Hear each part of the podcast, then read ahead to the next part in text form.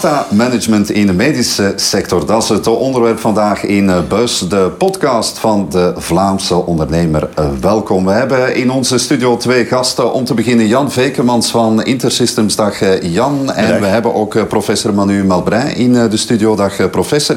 Um, u bent een man met heel veel ervaring, maar vandaag zit u hier in de studio een beetje met het petje op van Medaman. Um, dat is een organisatie die zich bezighoudt met uh, data management. Dat is nog lekker abstract. Maak dat dus concreet voor mij. Oké, ik ga dat heel kort proberen. Wat wij uh, doen, is de beschikbare data die in het medisch dossier zit, inzichtelijk maken, aanschouwelijk maken, zodanig dat we daarmee de juiste dingen kunnen doen om de patiënt en de zorg voor die patiënt te verbeteren. Ja, um, het is de bedoeling om 100 miljoen patiëntendossiers te verzamelen uit heel Europa. En om daar dan slimme analyses van, uh, van te maken uh, door middel van, van software die eigenlijk verbanden kan leggen. Er is een Europees project, dat noemt het EDEN-project. Dat is het European Health Data uh, Evidence Network. Uh, en de bedoeling is om 100 miljoen uh, dossiers van patiënten in Europa uh, te coderen volgens een gestandardiseerde manier. Dat noemt het OMOP CDM. Dat is Observational Medical Outcome Partnership Common Data Model. Dat is een heel groot woord om te zeggen dat eigenlijk alle patiëntendata, waar ook in Europa, op dezelfde manier gecodeerd kunnen worden en kunnen gebruikt worden voor real-world evidence studies om inzichten te verwerven hypothese te genereren. Ja, het is een gigantische hoeveelheid. Het is impressionant eigenlijk. Hè? Als je 100 miljoen patiëntendossiers kunt verzamelen, ja, dan kan je ook de verbanden trekken natuurlijk. Ja, ik heb niet recent gecheckt, maar, maar ik denk dat men wel al ja. over de 80 miljoen zit. En, en een voorbeeld, uh, wij hebben recent een, een uh, onderzoek gedaan rond COVID-patiënten. Gekeken naar adverse events van special interest, noemt dat dat AESI.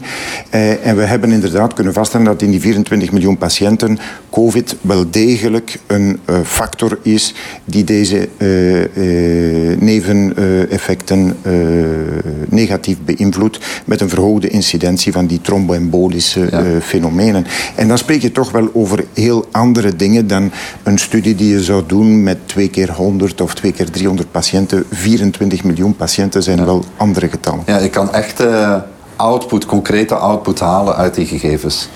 Ja, niet, niet, niet alleen de, de output. Je kan ook verbanden leggen. Je kan ook uh, op die manier ergens uh, algoritmes uh, ontwikkelen om, om preventief zaken te kunnen doen. Maar het is niet de data op één moment. Het is eigenlijk de data doorheen de tijd. En dat maakt het zo, zo boeiend en interessant.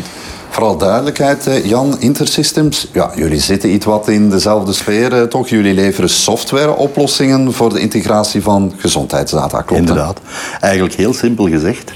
Waar dat hij met die data iets gaat doen, gaan wij zorgen dat die data bij hem geraakt. Hm. Dus wij leveren eigenlijk software die u in staat stelt om uh, gegevens die van verschillende bronnen komen, om die samen te brengen, die samen ook te vertalen naar de juiste formaten, zodat je dus eigenlijk hebt uh, een bloeddrukmeter, een apparaat dat over uh, ademhaling gaat en noem maar op. Dat allemaal moet naar het EPD, maar die spreken niet noodzakelijk dezelfde taal. Want ja, net zoals mensen dat wel eens niet doen, hebben ook apparaten dat. En dus wat wij kunnen doen, is ervoor zorgen dat die allemaal dezelfde taal spreken. Als je dan ook naar de achterkant gaat kijken, dan wanneer zij die data naar OMOP willen vertalen, dan hebben wij daar ook een tussenliggende filter die daar kan helpen om die gegevens op een gestandaardiseerde manier daar te krijgen. Ja. Een van uh, de producten waar jullie toch wel mee uitpakken, dat is natuurlijk het HealthShare platform. Ja, HealthShare maar is een heel moeilijk en lang begrip om uit te leggen, maar ik ga het heel kort maken. We hebben er ook een andere naam voor en dat is Unified Care Record. Dat is eigenlijk het unificeren van de gegevens die uh, voor en met een patiënt te maken hebben. Dus je gaat gegevens nemen die in een EPD1 zitten, je gaat gegevens nemen die in EPD2 zitten. En een doktertje zit voor zijn scherm en je tipt Jan Vekemans in en je drukt op dat enterknopje en je krijgt in zijn EPD al de informatie die hij heeft voor zijn EPD. En in een apart venster dat erop komt, kan hij in het eenvoudigste geval in een read-only formaat al de extra informatie zetten die in de andere uh, nodes zitten die mee uh, in het Unified Care Record systeem zitten. Op die manier krijg je een eerste eenvoudig zicht dat kan helpen om eigenlijk een breder beeld te geven dan wat in één ziekenhuis voorhanden is. Er zijn ziekenhuisnetwerken waar dat ze dat al voor een stukje hebben geïntegreerd. Maar eh, in België is dat nog eigenlijk in zijn kinderschoenen. In Amerika gebruiken we dat bij de veteranenorganisatie om al die miljoenen veteranen die er zijn, op het even waar zij in een ziekenhuis binnengaan om die informatie van die veteraan daar direct beschikbaar te hebben. Ja. Professor, u opereert als onafhankelijke, zeg maar. Ook Medaman is een onafhankelijke um, bedrijf, onafhankelijke organisatie. Jullie zijn aan niks of niemand uh, verbonden.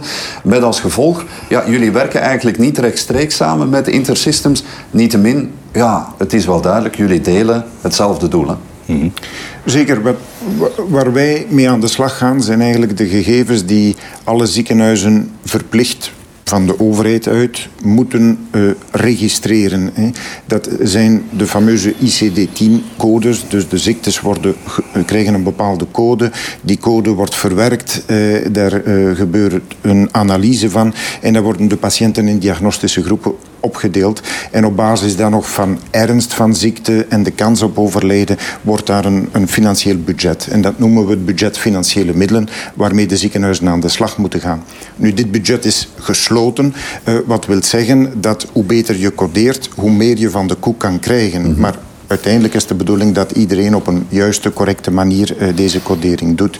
En aan de hand van die uh, gegevens kan Medaman inzichten verwerven rond de activiteit in de ziekenhuizen, uh, de capaciteit, maar ook kwaliteit, complicaties, mortaliteit en dat soort zaken, waarmee de collega's aan de slag kunnen gaan om het beleid en de bepaalde procedures daarop af te stemmen. Hoe is het idee van, van Medaman tot stand gekomen? Wel, uh, dat, dat zou je moeten vragen aan de oprichter. Dat, dat, is mijn collega Luc Belmans. Dus we zijn eigenlijk een klein bedrijf met mm -hmm. vijf uh, collega's, waarvan drie artsen. Uh, en het is een beetje het motto van artsen, door artsen, voor artsen. Omdat we ook natuurlijk de klinische background hebben en, en ervaring. Nu, dokter Belmans is altijd al zeer gedreven geweest. Is ook een MZG-arts geweest. Is ook hoofdarts geweest. En is altijd met data bezig geweest. Ja. dus hij is zowat de drijvende kracht achter uh, Medaman uh, om die data dus inzichtelijk te maken. En dat noemen we dan die Hospi Intelligence. Ja. Um, Jan, het verhaal van Medaman past eigenlijk wel volledig in jouw kraam. Zij het met een ander initiatief, hè, namelijk One Patient, One uh, Record, waar jij dan oprichter van uh, bent. Ja. Jullie fungeren in hetzelfde ecosysteem, dat is uh, duidelijk. Nu, ik wil nog even één ding specifiëren. Het, het, heet One Patient, One Record. En dat is omwille van het feit dat het, de echte naam, zoals ik hem wilde, die is zo lang dat niemand je zou intippen. Ja. En dat is namelijk, ik zou willen dat iedereen toegang heeft tot al zijn data ongeacht waar die zich bevindt. Wat het laatste is wat ik persoonlijk zou willen, is dat er één repository zou zijn waar dat alle informatie gewoon voor het grijpen ligt. Maar ik wil dat al die informatie toegankelijk wordt gemaakt. En ik denk dat we daar volledig hetzelfde doel dienen. Dat is namelijk, uh, kijk, een, ziekenhuis heeft bepaalde rechten op mijn data. Uh, en dan zou ik al zeker zeggen, alles wat met een finale diagnose te maken heeft, dat is sowieso. Ik zou dat haast uh, de intellectual property willen noemen van een dokter. Want daar, sorry voor het woord, maar daar betaal ik hem voor. Of dat dan nu van de ziekenkast komt of van mij, dat speelt geen rol. Hij wordt betaald om die diagnose te maken. Dus in een zekere zin is dat waar ik hem betaal om zijn hersenen te gebruiken. Aan de andere kant, de data die genomen wordt door mijn bloedafname, et cetera, dat is een andere zaak. Want dat zijn nuchtere, sorry om het verkeerde woord nog eens te gebruiken, dat zijn nuchtere data. Hè. Dat is gewoon simpel, prikske, dat is wat er uit de machine komt of wat er de observaties zijn. Dat is geen diagnose, dat zijn nuchtere gegevens. Die moeten inderdaad altijd ter mijner beschikking staan. Over de diagnose, daar wil ik het nog even in het midden laten, daar kunnen we een heel lange discussie over beginnen, dat gaan we vandaag niet doen. Um, voor alle duidelijkheid, professor, je gaf het in voorbereiding op uh, deze podcast uh, aan. Wanneer iemand binnenkomt in het ziekenhuis, of het nu op een spoedafdeling is of een andere afdeling, als we het hebben over data, het is immens. Hè?